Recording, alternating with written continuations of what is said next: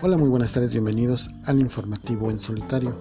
Mi nombre es Juan Vázquez y hoy nos encontramos a 19 de junio del 2020. Son las 6 de la tarde con 14 minutos. Les doy la más cordial bienvenida a este nuevo programa, a este nuevo podcast. Una tarde lluviosa aquí en la Ciudad de México. Espero eh, que se encuentre muy bien y mando a saludar a todos mis seguidores, a Carla, a Emma, a El Maderense y a todos los demás. No quiero dejar de mencionar a todos. Pues tenemos un tema muy importante el día de hoy acerca de la de la alianza que desafortunadamente pretende hacer Morena con el Partido Verde Ecologista de México. Y en redes sociales ese tema está muy, muy controversial porque hay posiciones en contra, hay posiciones eh, a favor de esta alianza. Pero yo, queridos amigos, desde mi perspectiva es un error por parte de Morena que se alíe con un partido que ha sido un partido fiel a los ideales del PRI. Se ha identificado plenamente con las tendencias priistas. Y esto nos remontamos a la historia. Si hacemos un poco de memoria, podemos darnos cuenta que cuando comenzó el sexenio de Vicente Fox, el Partido Verde se alió eh, sistemáticamente con el PAN. De hecho, se rumoraba y después se confirmó que el ex candidato entonces de la Alianza por el Cambio, Vicente Fox Quesada, pues soltó mucho dinero para que el Partido Verde lo acompañara en, la, como fórmula y que ganaran las elecciones del año 2000 en aquel entonces. También tenemos otro antecedente más reciente que fueron las elecciones en el Estado de México, donde también el Partido Verde estuvo aliado con el PRI. Recordemos la, la elección de Josefina, bueno, de perdón, de Delfina, una disculpa, Delfina, que era candidata de Morena al gobierno del Estado de México y que compitió con Alfredo del Mazo. Fue una elección muy cerrada, sin embargo, la maestra Delfina de Morena iba ganando la elección en el Estado de México y a la una y a las dos de la mañana aproximadamente los números se revirtieron o revertieron los resultados para que fuera favorecido el PRI ahí hubo un fraude electoral. De hecho, ya es muy comentado y es muy conocido este tema, pero lo traigo en la luz porque este tipo de alianzas que se supone que deben de tener, digamos, eh, una no solo una representatividad político electoral, sino competir contra otros partidos para tener una elección transparente y una elección que permita pues llevar este la cuarta transformación al Congreso en el próximo año pues está opacando y se está manchando por la alianza que aprende a hacer con el Partido Verde. Ramírez Cuellar, el líder o el dirigente nacional de Morena, también eh, en uno de sus tweets eh, formalizó de manera pues o, dio por un hecho la alianza. En recientes comentarios él se desmarca de la situación pero obviamente pues ya no puede remediar nada porque ya la declaración está hecha.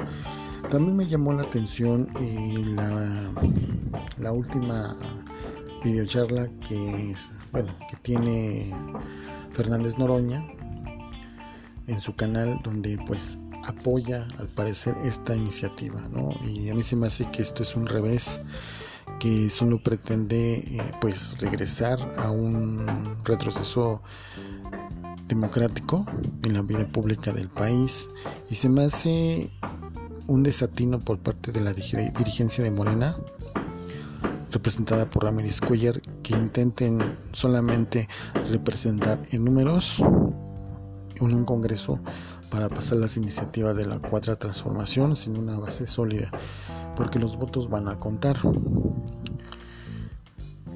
Y haciendo una reflexión queridos amigos es que el congreso desde mi punto de vista no debe de ser una cuestión de números porque si entonces valoramos que son solo números entonces yo puedo decir bajo ese, ese, precepto, ese precepto que pues hay que ganar a, a, toda costa. Y si no hay una base electoral o una oferta electoral que atraiga a los votantes para que los candidatos que surjan de Morena en la próxima elección estén ya bien ubicados y sean candidatos idóneos para desempeñar el puesto, pues difícilmente no va a pasar o no va a avanzar esta estrategia que está pretendiendo Ramírez Cuella como dirigente nacional de Morena.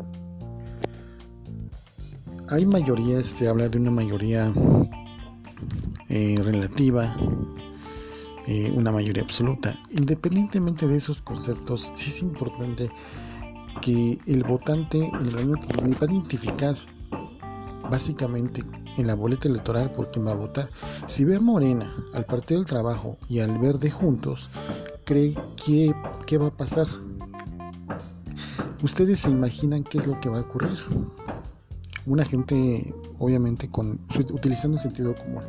No es necesario meternos en tanto análisis en, específico de esta alianza. Tú vas a decir, yo no voto por Morena si está con el verde. ¿Qué va a pasar? Va a haber dos, dos probabilidades. Que anule el voto, que es una de ellas, va a anular el voto. Y la segunda probabilidad que, va a tener es de que eh, únicamente vote por Morena donde no vaya fórmula.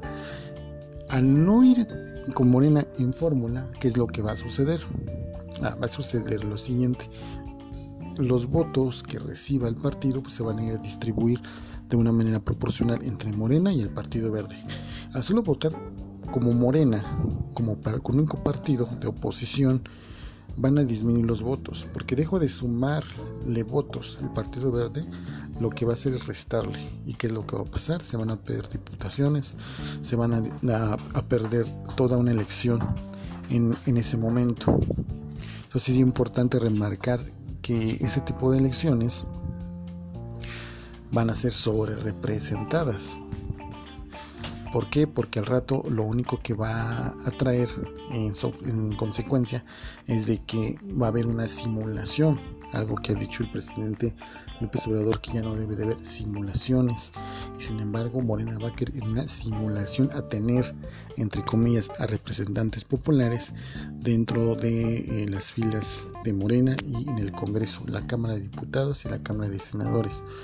Por eso es importante amigos que no nos dejemos engañar, que veamos que esto no es una buena señal para los que militan en Morena, para los que no militamos en Morena, porque va a dividir el voto. Y me lleva a una conclusión importante. Quiero que ustedes reflexionen conmigo qué es lo que está pasando. ¿No será que desde dentro del mismo PRI, que como lo menciono, el Partido Verde satélite del PRI, ¿No será una estrategia del mismo PRI que está metiendo a su caballo de Troya, el verde ecologista, para que las próximas elecciones divida el voto? ¿Cuál es la estrategia que se quiere conseguir con esto? Pues es muy simple, es debilitar los, las preferencias electorales entre Morena y, el partido el partido verde y de paso beneficiar al, al PAN de una manera inmediata. Todo esto se hace eh, a la luz de una supuesta alianza donde el voto va a ser dividido, indiscutiblemente. El voto va a ser dividido y va a tener pues unas consecuencias que no van a ser gratas para ese tipo de situaciones o para ese tipo de planteamientos. Y Fernández Noroña, eh, pues sí me extraña mucho su posición. Creo que se quedó con una parte de, la, lo que es negociar, negociar este, solo para beneficiar a pequeños grupos de poder. Y esto es muy lamentable, es muy lamentable que existan este tipo de situaciones y que ya deberíamos de cambiar una mentalidad donde la política no es nada más alianzas por conveniencia, no es saber que, quién se queda con el cargo de quién y tenemos también dentro de Morena ejemplos, o sea, para que vean que eh, no somos ni lavadores de nadie, ni tapetes de nadie.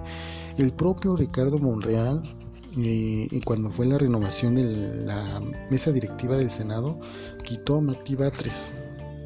Martí Batres presentó de una manera indiscutible su su petición eh, ante la Comisión de, Justicia Partidaria de aquel partido, pues para ver qué es lo que estaba pasando. No, no se llegó a una negociación, hubo una imposición y ahorita está la actual, pues, presidenta de la mesa directiva en el Senado, Araceli, no me acuerdo el nombre, una disculpa, se me olvidó. Pero ahí está lo que es la política. La política eso es, es todavía jugar a sucio. Todavía saber a quién dejo en el cargo para yo posicionarme. Y en el caso de Ramírez Cuellas, Cuellar, perdón, no tengo ninguna duda que eso es lo que va a hacer. Lo que va a pretender es apropiarse con el partido para poner a gente allegada a él. Berta Luján está como secretaria del, de Morena a nivel nacional, que también es cercana a Ramírez Cuellar. Y el mismo Gibran Ramírez, este, este excelente comunicador, eh, un, gran, un, gran, personaje, eh, ha analizado también y ha denunciado que dentro de Morena pues hay preferencias y de hecho no incluye a la base militante, esa base dura que puede cambiar el rumbo del país y seguir con la cuarta transformación. No hay espacios dentro de Morena, esa es la realidad. Entonces, ¿qué se espera de una dirigencia de Morena con esto? ¿No? ¿Qué se espera o qué nos esperamos más adelante con las elecciones? Morena se va a ver debilitado. Y se va a ver debilitado porque va a existir el Partido Verde. ¿no? Eh, Ramírez Cuellar en su último tweet de hace dos horas indicó que, eh, que es una propuesta, como siempre escondiendo la, tirando la piedra y escondiendo la mano, porque hicimos que fuese una propuesta nada más. El, el, Consejo Nacional de Morena, entre otros organismos, dentro de ese partido van a decidir qué es lo que va a pasar. Pero él planteó, él dice un hecho y su declaración fue de que va a haber alianza electoral en el 2021. Lo dijo claro y ahí está la información y ahí están los tweets. También queridos amigos, este, pues hay un eh, en redes sociales, pues esto ha, ha, causado mucha, pues mucha expectativa. De hecho, eh, hay posiciones, como les decía al inicio de este podcast, tanto a favor como en contra. Aquí es lo que voy. Entre los mismos seguidores de Andrés Manuel López Obrador y entre algunos ciudadanos independientes que siguen el proyecto de la Patria Transformación, pues hay diferencias. A mí me llegó un tuit hace rato, hace creo que una hora, eh, de una persona que se llama Chision, no me recuerdo bien su nombre, que pues me indica que casi casi que yo estoy promoviendo que, que no se haga la alianza y que y que la alianza es, este está convencida esa persona de que la alianza es este es estratégica y es una alianza que va a durar para mucho tiempo y que se trata de llenar con números. El mismo discurso que está diciendo Fernández Noroña o que dicen otros actores donde ah, es que tenemos que alcanzar el número para ser mayoría yo siento que es importante pues sí tener o tener los, los diputados los senadores que sean necesarios para avanzar y tener reformas que, la cuarta transformación tiene que llevar a cabo. Pero lo malo es que se haga esto sin base electoral firme.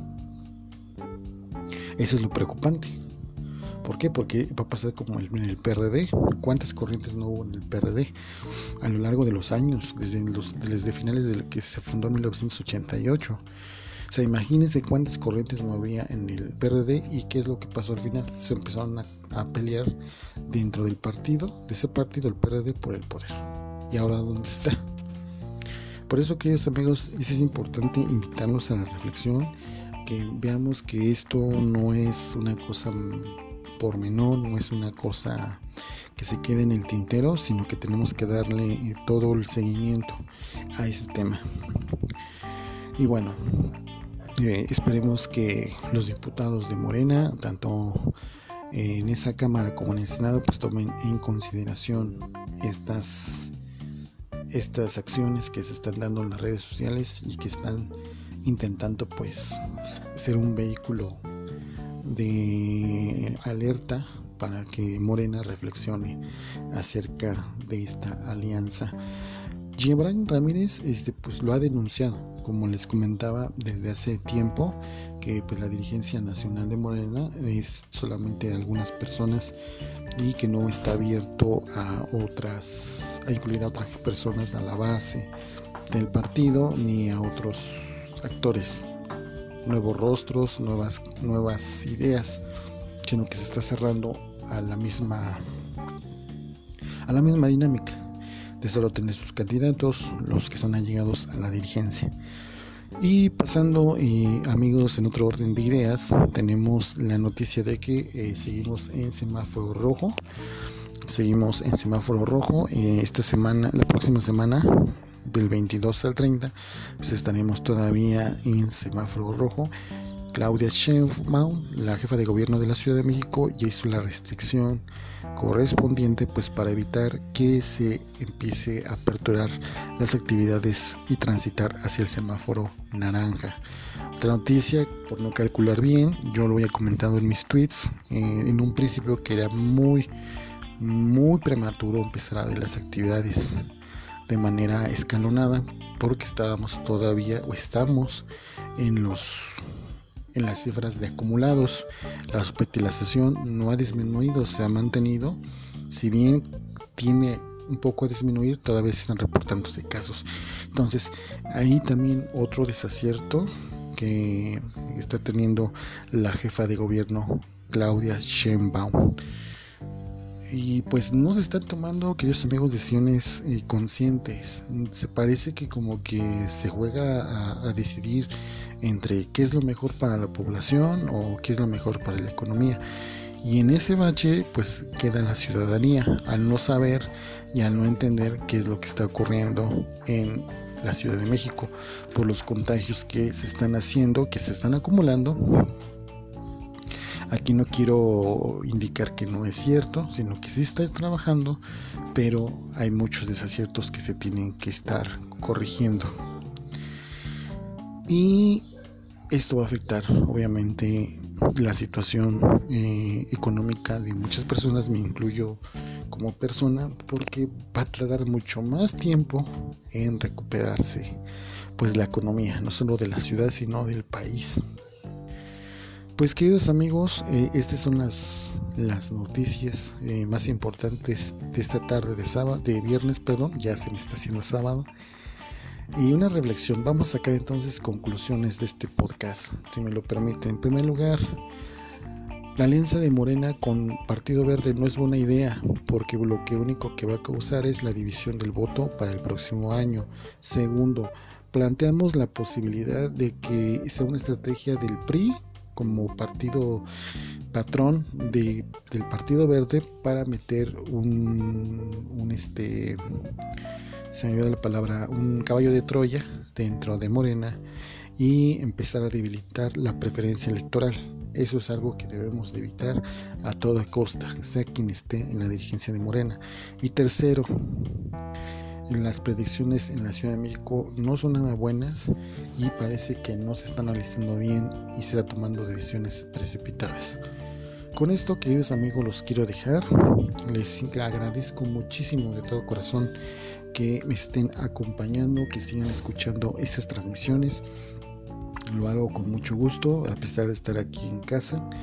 Eh, déjenme contarles rápidamente, pues yo sigo aquí eh, trabajando, yo tengo mi empleo en la iniciativa privada, pero pues obviamente mi sueldo se ha, visto reducido en los últimos las últimas semanas.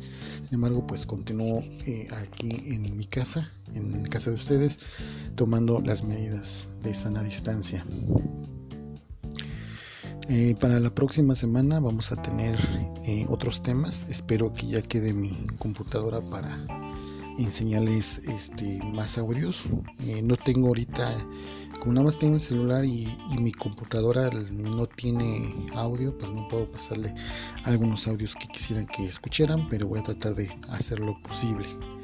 Les agradezco que me hayan acompañado, espero eh, me sigan en mi canal, me van a encontrar como Joel el informativo en solitario y mi arroba es Joel-Besuez para que estén enterados de toda la información. Vamos a seguir analizando todo lo que está pasando en nuestro país, el tema de la pandemia, el tema del también de manera internacional vamos a meter algunas secciones que espero que les agraden para tener una información muy activa y muy participativa de todos ustedes.